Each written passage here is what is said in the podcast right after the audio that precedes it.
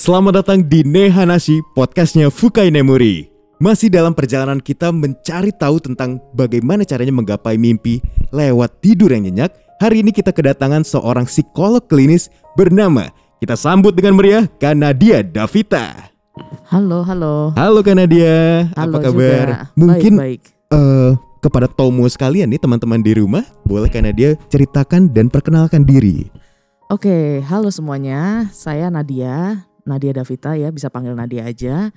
Saya psikolog klinis tadi udah dijelasin, lulusan dari Atma Jaya. Ah, Oke, saat ini kesibukannya saya praktik mandiri dan juga praktik di Rumah Sakit Unimedika Setu. oke. Tuh.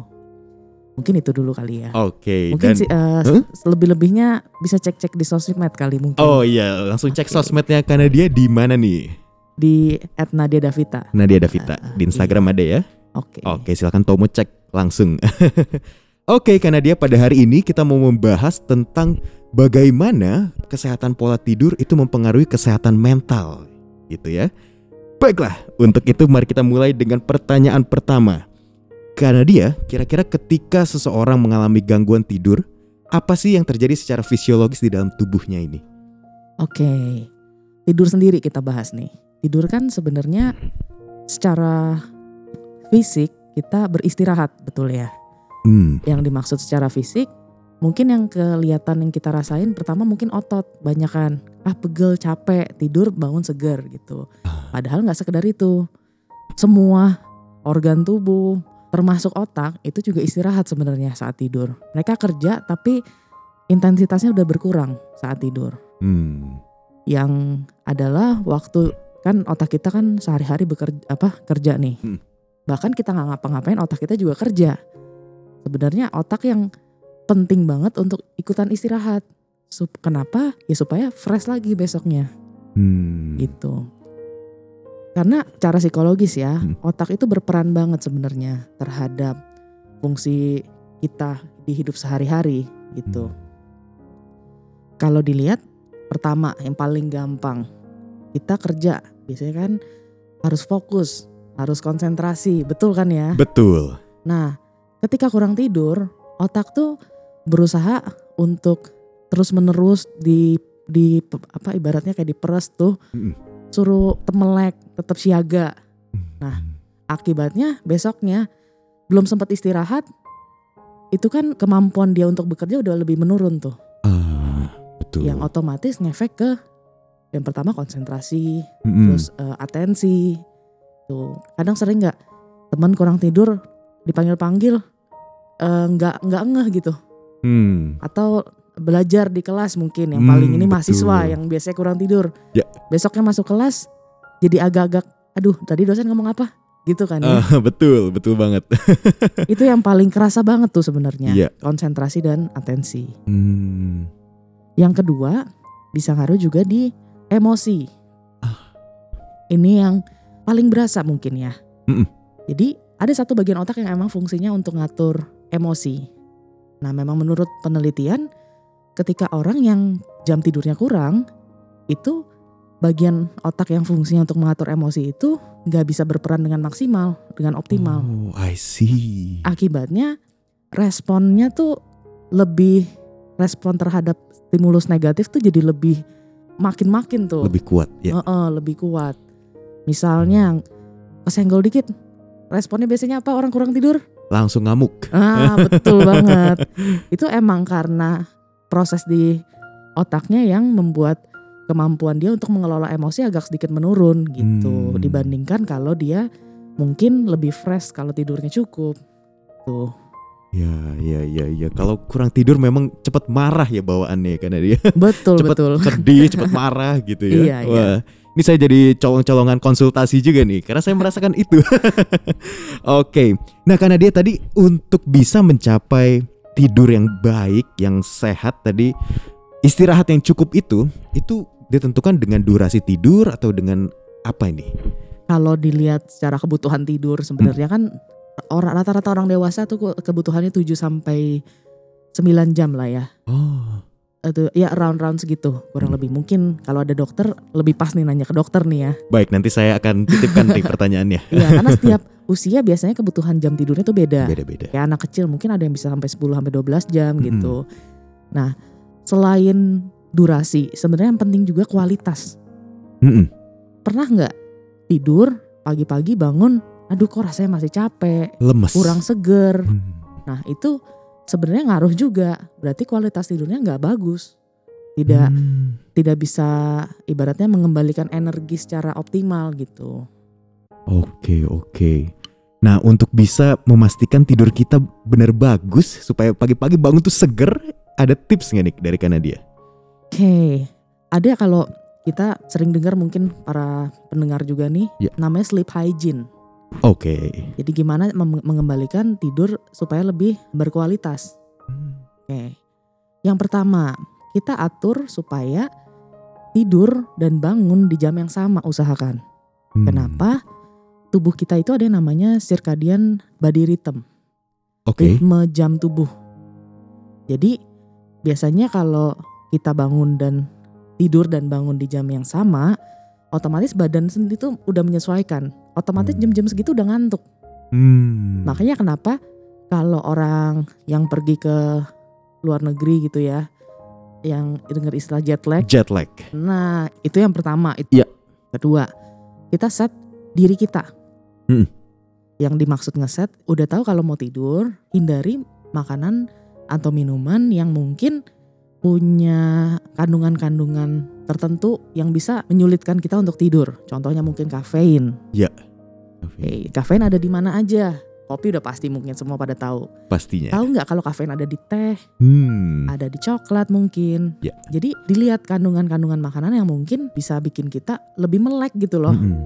Dan efeknya beda-beda pasti di setiap orang. Makanya kenali tubuh kita, atur sendiri itu dari pola makan satu. Hmm. Kedua, mungkin bisa bikin badan lebih rileks saat-saat mau tidur.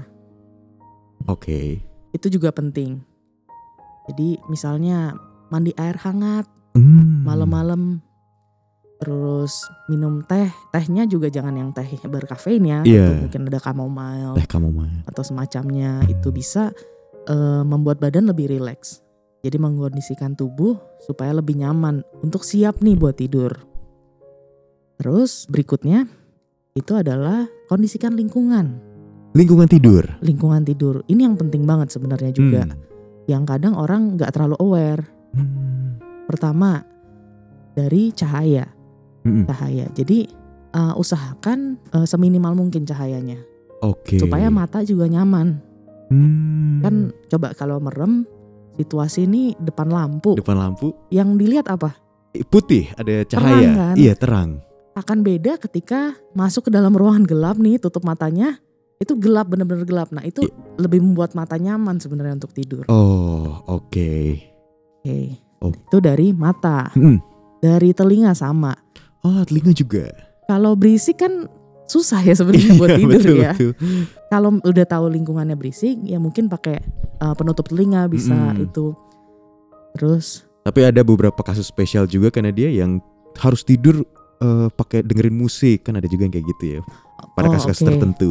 Kalau memang ternyata musik lebih bisa membuat tidur nyaman nggak apa-apa Oke. tapi yang kadang tidak bisa diprediksi misalnya tetangga ngetok-ngetok Oh. eh, lemari mungkin malam-malam Heeh. ya keributan kan nggak bisa diprediksi Iya. kalau akibatnya kalau ribut-ribut tengah malam gitu kebangun di tengah-tengah Iya. itu sebenarnya untuk memprevent hal-hal itu tapi kalau misalnya itu nggak ada terus mau setel musik ya sebenarnya nggak apa-apa juga asal bisa bikin tetap nyaman tidurnya Tuh. Berikutnya suhu ini Oh. juga penting kadang ada orang yang aduh set AC sedingin dinginnya buat tidur itu juga nggak pas juga di tengah-tengah mungkin biasanya kan sekitar jam 4 gitu ya Ya. suhu bisa lebih dingin dari Betul. sebelumnya betul ya. Terutama di Tangerang, Kak. iya iya. Jadi pastikan AC ini jangan terlalu dingin dan juga jangan terlalu panas. Mungkin yang nggak pakai AC ya kipas anginnya jangan terlalu kencang dan jangan terlalu pelan juga. Iya. Disesuaikan supaya suhunya tuh stay stabil dari awal tidur sampai bangun nanti gitu. Nah yang paling penting juga sebenarnya tempat tidur. Karena Oke. penting untuk tubuh kita merasa nyaman pertama kan. Makanya kita mandi air hangat tadi, minum supaya rileks. Nah, tempat tidur juga sebenarnya berpengaruh. Ketika tempat tidurnya juga nyaman, otomatis tubuh kita akan merasa lebih siap untuk tidur dan lebih rileks gitu. Oke. Kalau tidur di lantai tentunya lebih susah ya daripada di kasur betul gitu banget, ya. Kak. betul banget. I see. Oke. Mungkin kalau memang masih nggak bisa tidur juga, Mm-mm. sebenarnya kalau ada juga teknik pernafasan mungkin breathing teknik untuk Oh. lebih relaksasi. Wah, Nah itu banyak lah bisa di searching sebenarnya. oke. Kalau masih nggak bisa juga, ya itu emang mesti datang coba ke psikolog atau ke psikiater. Oh, baik. Tuh. Itu untuk Itu last kalau emang nih ya. udah jangka panjang, udah usaha ini itu nggak bisa. Nah ini langkah terha- terakhir lah ibaratnya. I see. Oke, sleep hygiene tadi ya. Mungkin kita bisa kulik lagi apalagi nih Kak, poin-poin dari sleep hygiene yang Tomo-Tomo bisa praktekkan di rumah. Ini poin penting sebenarnya. Oke. Karena semua orang pasti melakukan ini rata-rata. Biasanya pas bangun tidur, hal apa yang pertama dipegang? Saya merasa bersalah tapi memang handphone sih Kak. Nah, handphone tuh biasanya adalah hal pertama dan terakhir yang orang pegang sebelum tidur. Wah. Betul gak? Betul. Hampir rata-rata kayak gitu. Karena emang di situasi modern ini nggak kita emang nggak bisa lepas banget nih dari handphone. Ya. Tapi sebenarnya penting banget untuk mengurangi penggunaan handphone saat kita mau tidur apalagi. Hmm. Karena otak kita kan terus-menerus aktif. Jadinya pas sambil scrolling minta Instagram atau TikTok mungkin yang sekarang lagi Iya. eh, hype Di, di Gandukri. itu tuh level aktivitasnya tuh terus tinggi. Padahal harusnya kan ketika udah mau tidur otak tuh intensitas aktivitasnya tuh menurun. Mm-mm. Tuh, jadi penting sebenarnya untuk membatasi penggunaan handphone apalagi pas mau tidur. Makanya orang yang kadang scrolling tuh nggak nggak nggak berasa. Eh tiba-tiba udah jam 12. Lanjut lagi, Ah. eh tiba-tiba jam 2. Begitu bukan? Betul. Tiba-tiba, iya. tiba-tiba ayam berkokok. Waduh. Iya. Oke, jadi penggunaan gadget adalah salah satu poin penting dari menjaga sleep hygiene ya. Yes, betul. Itulah teman-teman, sleep hygiene ya penting sekali untuk teman-teman dalami dan praktekkan supaya mendapatkan tidur yang lebih nyenyak. Kembali ke topik utama kita yakni uh, hubungannya kesehatan tidur dengan kesehatan mental. Apakah ada memang diagnosa-diagnosa atau akibat-akibat buruk penyakit mental yang disebabkan oleh gangguan tidur? Oke. Ngomong soal akibat atau dampak ini, Hmm. mungkin dari yang ringan dulu kali ya. Oke. Kalau dari yang ringan tadi kalau dari kita bahas kan pertama mengganggu atensi konsentrasi. Iya. Biasanya itu ujung-ujungnya ke performa kerja, entah Hmm. performa dalam kuliah, entah dalam kantor. Karena sering-sering gak fokus kan otomatis kerjaan juga nggak seoptimal itu. Itu yang pertama. Kedua, memang kurang tidur tuh selain mengganggu atensi dan konsentrasi, itu berdampak juga ke fungsi memori. Oh, Gitu. ingatan. ingatan betul jadi itu eh, emang ada penelitian emang berpengaruh ke daya ingat oke lalu tadi ngomongin soal emosi Hmm? ujung-ujungnya biasanya kalau orang yang emosinya nggak stabil lama-lama ujung-ujungnya bisa juga masalah ke relasi dengan orang lain Hmm. tuh ini jangka panjang ya ngomongnya ya nggak nggak kalian nggak tidur malam ini besok marah terus langsung nggak punya teman nggak gitu tapi jangka panjangnya kalau Iya. dilihat otomatis itu kan akan berhubungan dengan kualitas kualitas hidup, Hidup. well-being Mm-mm. well-being kita secara umum kalau yang lebih jauh lagi eh, masalah yang common muncul tuh emang kecemasan anxiety atau mungkin depresi nah ini emang yang udah mungkin udah berat ya jatuhnya tuh Oke. Wah, ini menarik sekali. Mungkin Tomo juga tahu akan konsep butterfly effect ya. Karena dia tahu nggak?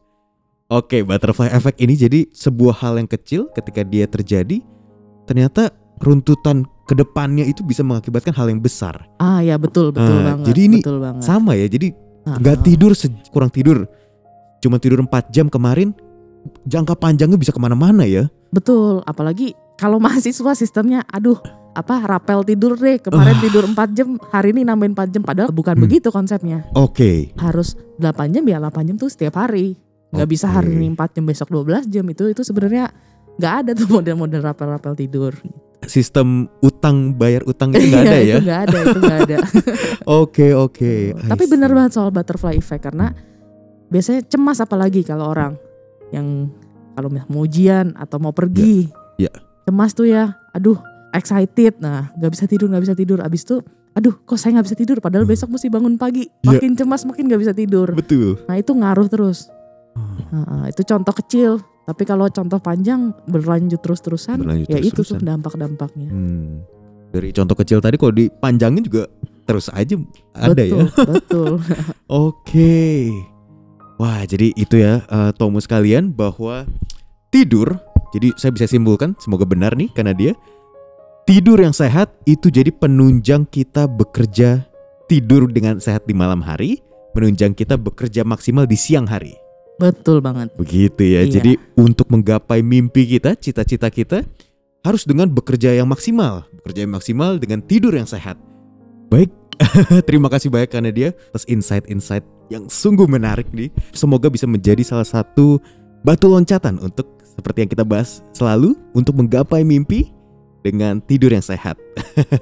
Oke, karena dia nah berhubungan soal dengan tadi menggapai mimpi itu kami dari Fukai Nemuri memang memiliki misi hidup untuk mencapai itu. Masyarakat Indonesia harus mencapai cita-citanya dengan tidur yang sehat. Nah, itulah yang kami coba masuk ke dalam sana eh, menyediakan bantal-bantal ataupun guling-guling yang bisa menyokong tidur yang sehat gitu. Tadi ketika kita membahas sleep hygiene ada satu poin yang sungguh menarik karena dia yakni bahwa temperatur ruangan maupun lingkungan dari tidur itu harus nyaman, pas, nggak kepanasan, nggak kedinginan. Nah kebetulan di Fukai Nemuri kami punya eh, varian bantal yang terbuat dari bulu angsa yang memang memiliki kemampuan untuk menyesuaikan suhu. Jadi ketika kita tidur di atasnya, suhu bantal ini tidak akan terlalu panas, tidak akan terlalu dingin. Ketika kita suhu tubuhnya dingin, dia akan menghangatkan. Ketika suhu tubuh kita panas, dia akan adem lah setidaknya. nah, untuk itu silahkan Kanadia coba sendiri nih. Kami ingin memberikan sebuah unit bantal Fukai Nemuri tersebut. Oh wah, terima kasih loh ini. Sama-sama. Kami yang berterima kasih dari Fukai Nemuri sungguh bersyukur hari ini kedatangan Kanadia berbagi insight yang sangat wah seru banget nih. Semoga bisa dinikmati ya kak. Pasti nanti dicoba ini. Iya nanti dicoba ya. Untuk tidur berkualitas ini ya. Oke, nanti coba dites dengan poin-poin sleep hygiene tadi masuk gak? Oke oke. Oke.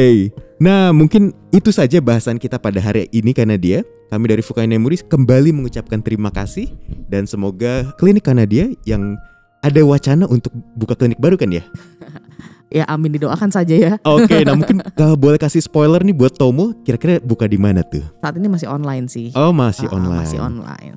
Karena situasi pandemi kan belum memungkinkan lah untuk tatap Oke. muka. Hmm.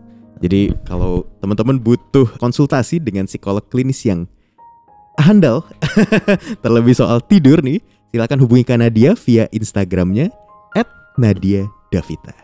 Kami mendoakan supaya semua rencana berikutnya berjalan dengan sukses ya kak dan tentunya semoga tidurnya selalu berkualitas.